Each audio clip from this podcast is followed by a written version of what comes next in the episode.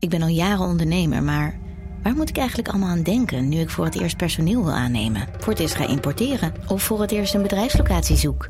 Weet wat je wel of niet moet doen bij zaken die je voor het eerst oppakt. Check kvk.nl voor praktische stappenplannen. KVK, hou vast voor ondernemers. Ja, even kijken of ik nog weet hoe dit Hoe het werkt. gaat. Deur dicht, dat weet ik nog. Hier zitten. Oh dit ja, is de microfoon. uit. Airco uit. Hey Floor, ik ben twee maanden niet geweest en ik was heel blij toen ik zag dat ik meteen mijn eerste gesprek met jou mag voeren. Ja, grappig. Zit ik nu ineens weer aan de andere kant. Ja, hoe voelt dat? Eh, nou, nu ineens een beetje onwennig, moet ik zeggen. Maar ik ben hartstikke blij dat je weer terug bent. Heel leuk. En het is ook meteen een goed moment om voor mij even te zeggen dat ik de komende maanden niet te horen ben als presentator van vandaag. Ik ben er vanaf september weer. Ja, dus de komende maanden presenteer ik om en om met Geertje en daarna wij in september weer. Zeker. Oké, laten we beginnen. Vanaf de redactie van NRC het verhaal van vandaag. Mijn naam is Thomas Ruip.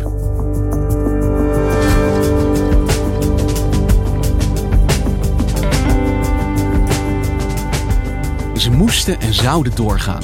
Verkiezingen in coronatijd. Maar kan dat eigenlijk wel veilig? Floor Boon volgde maandenlang de voorbereidingen in Apeldoorn en zag de enorme uitdaging waar Nederland vandaag voor staat. Want kan een democratie wel functioneren met het land in lockdown?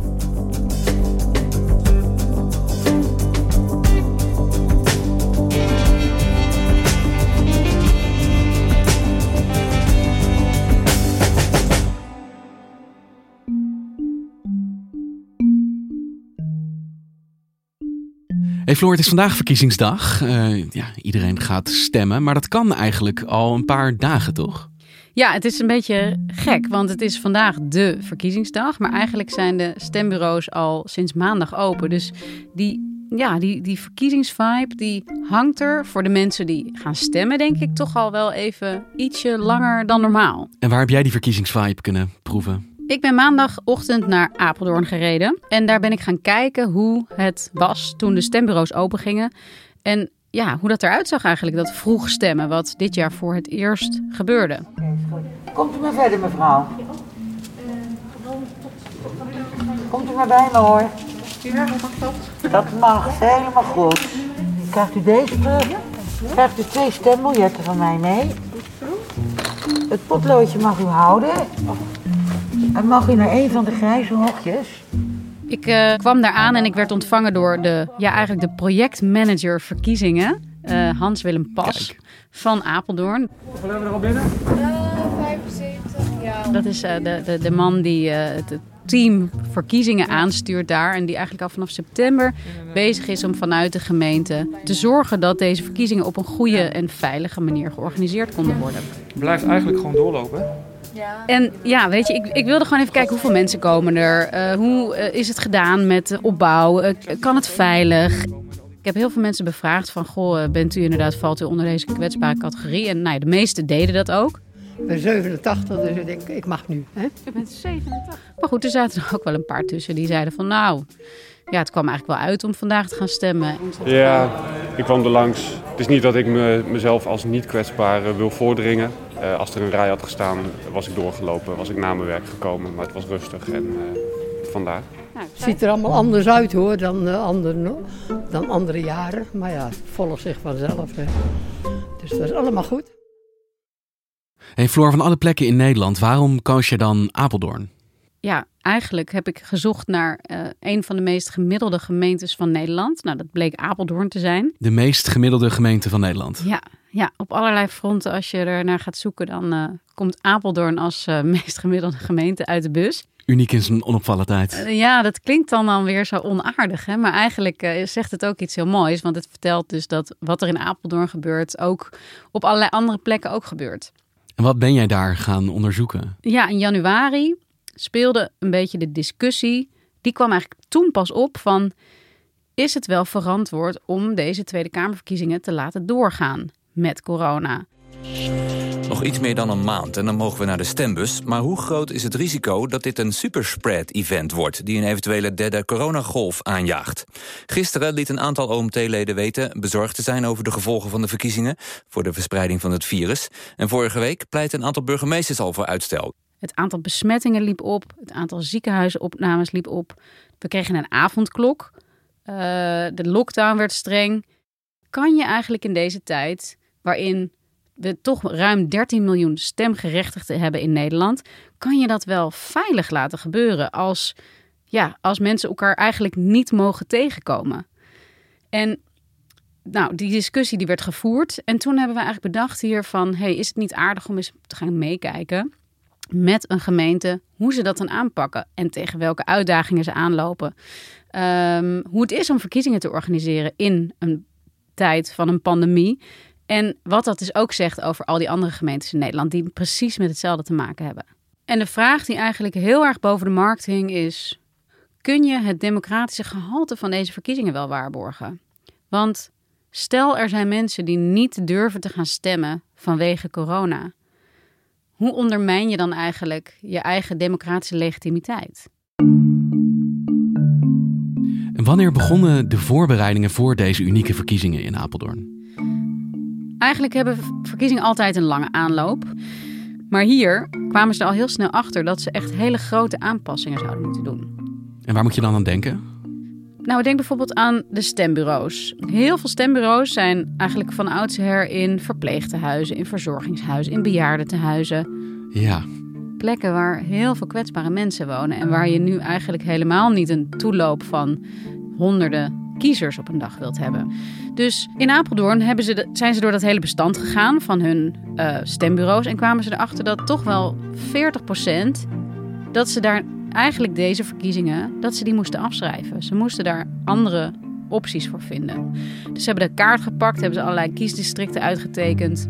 En zijn ze op zoek gegaan naar grote locaties, gymzalen, uh, ja, plekken waar dus veel ruimte is en die minimaal aantal vierkante meters hebben om ook in een stembureau vervolgens afstand mogelijk te maken. Want ook binnen die stembureaus is het niet normale gang van zaken zoals dat de afgelopen nou, decennia heeft gekund. Nee, en ja, nu moesten ze gaan nadenken over kuchschermen, over uh, desinfecterende gel, over handschoentjes, over de potloden. Wat doe je met de rode potloden? Nou, in Apeldoorn hebben ze ervoor gekozen om iedereen een eigen potlood mee te geven. maar er zijn ook gemeentes die ervoor kiezen om die potloden schoon te maken. Ja, en dat moet dan ook weer iemand gaan doen. Ja, en moet je nagaan, tienduizenden potloden schoonmaken op een dag. Dat moet wel iemand doen, zeg maar.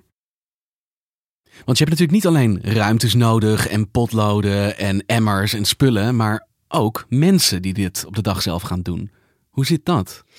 Nou, een van de andere grote uitdagingen waren ja, het aantal stembureauleden. En in Apeldoorn hadden ze het geluk dat uh, ze heel veel aanmeldingen kregen. Misschien wel extra mensen die dachten van juist in deze tijd ga ik me aanmelden, want uh, ik vind het ook belangrijk en ik, ik zie dat hier misschien een probleem kan optreden. Maar juist in de afgelopen, nou zeg vier tot acht weken, zag je heel erg veel afzeggingen.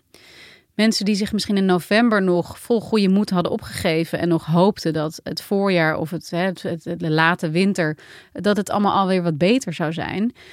Maar toen kwam er een persconferentie van Mark Rutte en Hugo de Jonge begin februari, waarin Rutte eigenlijk zei van. Alle doorrekeningen wijzen op een derde golf die onvermijdelijk op ons af lijkt te komen.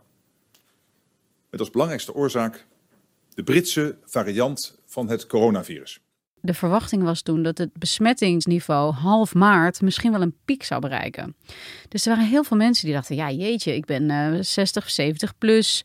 Ik heb uh, astmatische aandoening. Ik weet niet, we hebben van allerlei redenen.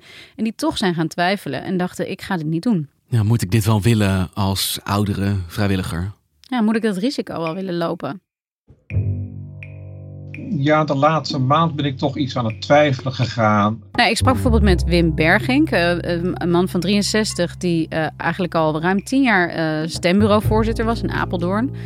En hij zei van ja, ik, ik heb het gewoon toch niet aangedurfd. Dus ik heb er echt wel mee geworsteld. Uh, wat moet ik nou uh, zo? Omdat ik het eigenlijk een beetje, ik vond het ook een beetje slap om af te zeggen. Want ja, iemand moet het doen en dan doe ik het weer niet. En dan moet iemand anders het weer doen zo. Hij vond het echt wel een behoorlijke stap van zichzelf om af te zeggen. Omdat hij zei van ja, ik voel toch ook een democratische plicht om dit te doen. En ja, als ik het niet doe, dan moet iemand anders het doen. En dan ga je langzamerhand ook denken, ja maar wacht eens even, die verkiezingen, uh, die zijn heel belangrijk. Maar wat zet ik daar op het spel van mijn eigen gezondheid?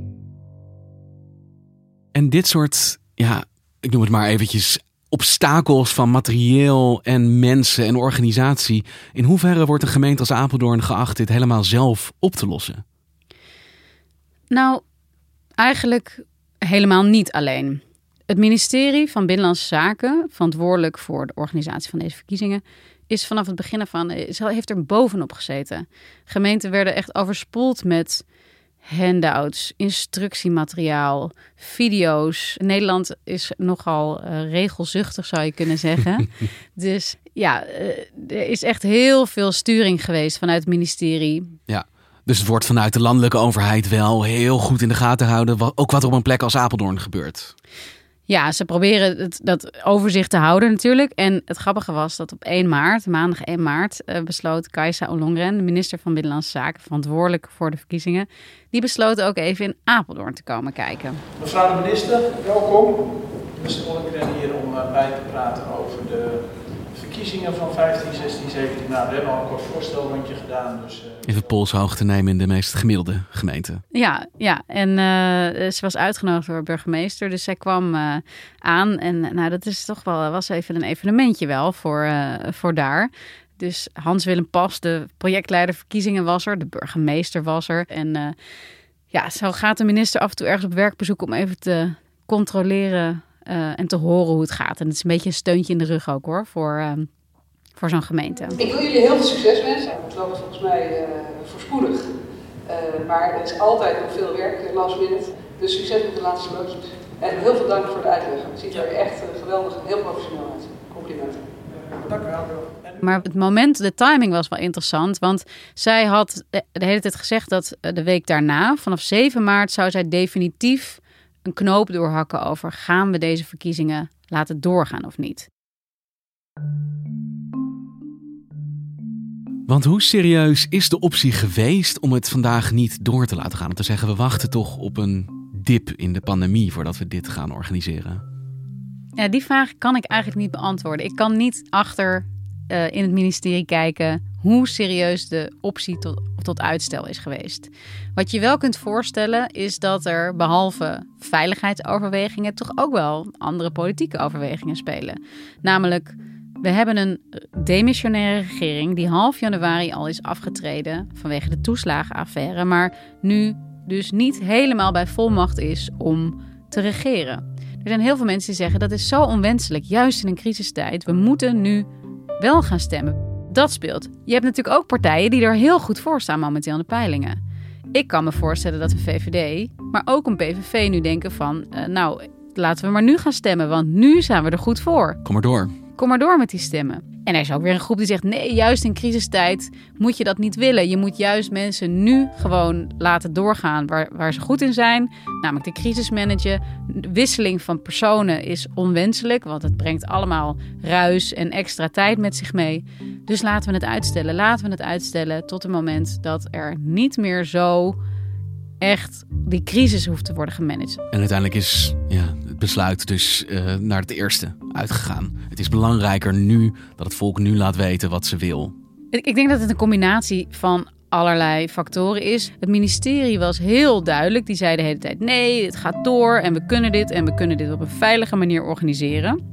Ik denk ook wel omdat even twijfel wekken toch gevaarlijk is in zo'n situatie. Want daar kunnen mensen mee aan de haal gaan. En die zeggen, ja, zie je wel, de minister die twijfelt en dat moet je niet hebben. En hier zie je van, ja, wanneer neem je dan zo'n beslissing? Wanneer zeg je, we durven het niet aan bijvoorbeeld? Het wordt ook een soort van zichzelf bevestigend mantra bijna van, nee, het kan goed, het kan veilig, het kan op een goede manier.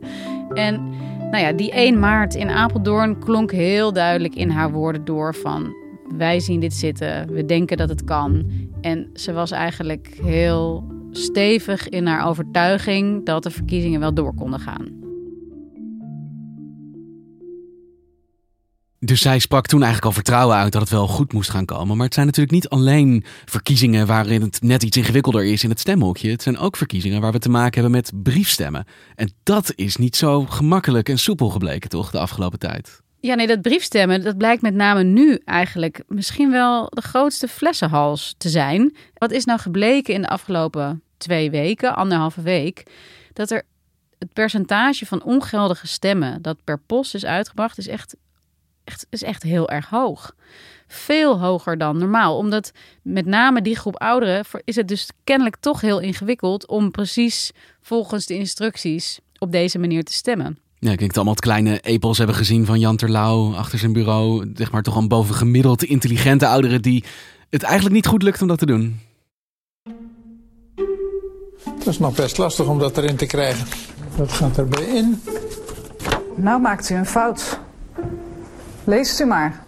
Oh, wacht even, die moet in een aparte envelop. Wacht, dit ook dicht. Toen is een heel gedoe. Precies, als zelfs Jan Terlouw het niet lukt om goed een briefstemmen uit te brengen, hoe kun je dan verwachten dat de gemiddelde 70-plusser dat wel kan doen? Dus gisteren, op dinsdag, is er een nieuwe instructie nog gekomen vanuit het ministerie. Veel verkeerd uitgebrachte poststemmen mogen toch worden meegeteld. Minister Ollongren van Binnenlandse Zaken past de procedure voor briefstemmen aan. De instructie wordt nu dat die terzijde gelegde enveloppen alsnog mogen worden geopend om te kijken of er een stempluspas in zit. Als dat het geval is, wordt de stempluspas eruit gehaald. En als de geldigheid is beoordeeld en goed is bevonden, dan mag alsnog de envelop met het stembiljet bij de, uh, bij de stemmen worden gedaan, zodat die vanaf morgen kan worden geteld. Dus bij een terlouwtje uh, is je stem niet meer ongeldig? Nee, dat is, dat is wel de bedoeling. En het blijkt dus voor de ouderen, zeg maar voor de verzendende kant, zo simpel nog niet. Maar hoe is dat voor de ontvangende kant? Hoe gaan gemeentes als Apeldoorn hiermee om?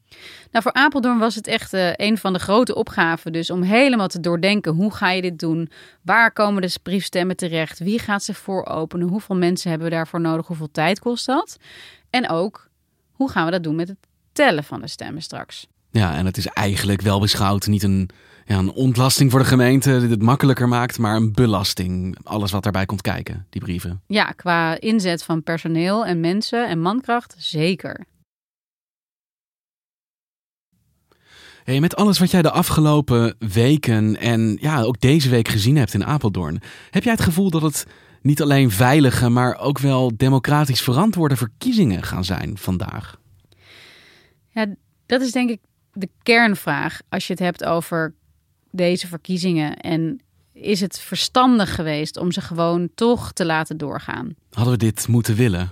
Als je het hebt over de veiligheid en de medische veiligheid, dan denk ik op basis van wat ik heb gezien in Apeldoorn dat het prima kan. Maar er speelt natuurlijk ook nog iets anders en dat is die democratische legitimiteit. Daarin heb je alleen al de vraag: zijn er mensen die toch hebben besloten om niet te gaan stemmen. Of die toch besluiten vandaag nog van nee, ik durf het niet aan. Ja, dus als je vrijwilligers had die niet aan de andere kant van de tafel wilden zitten, heb je misschien ook mensen die denken, ja, ik, ik, ik doe het toch liever niet. Ja, en dat weten we niet. Maar iedere kiezer die die afweging maakt, is er natuurlijk eentje te veel. Dus ja, die, die vraag, die, ik, ik kan hem niet beantwoorden. Is het democratisch verantwoord? Ja, als je het formeel gaat bekijken, denk ik dat je alle vinkjes kan zetten en dat, dat, dat ze het goed hebben gedaan. Maar goed, kijk naar het aantal ongeldige briefstemmen tot nu toe. Kijk naar de, het risico dat er mensen niet gaan stemmen. Ja, dat zijn toch wel kwesties die ook meespelen. Want wat zijn de criteria waarmee we uiteindelijk gaan bepalen of dit nou wel of niet een goed idee was om dit door te laten gaan vandaag? Ik denk dat veiligheid heel belangrijk is voor het ministerie. Maar ook pas over een week, twee weken kunnen we iets zeggen over: is er een besmettingsgolfje? Na 17 maart?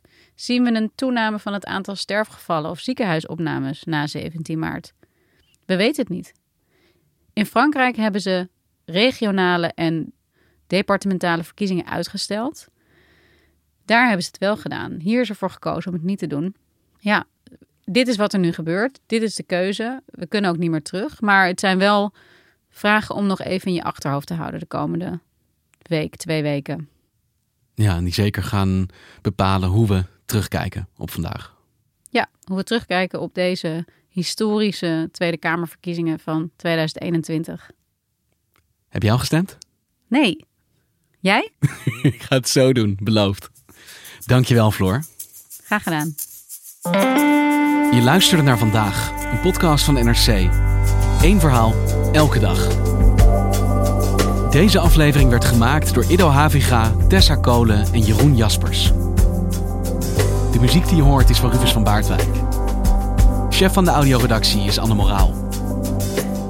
Dit was vandaag. Morgen weer.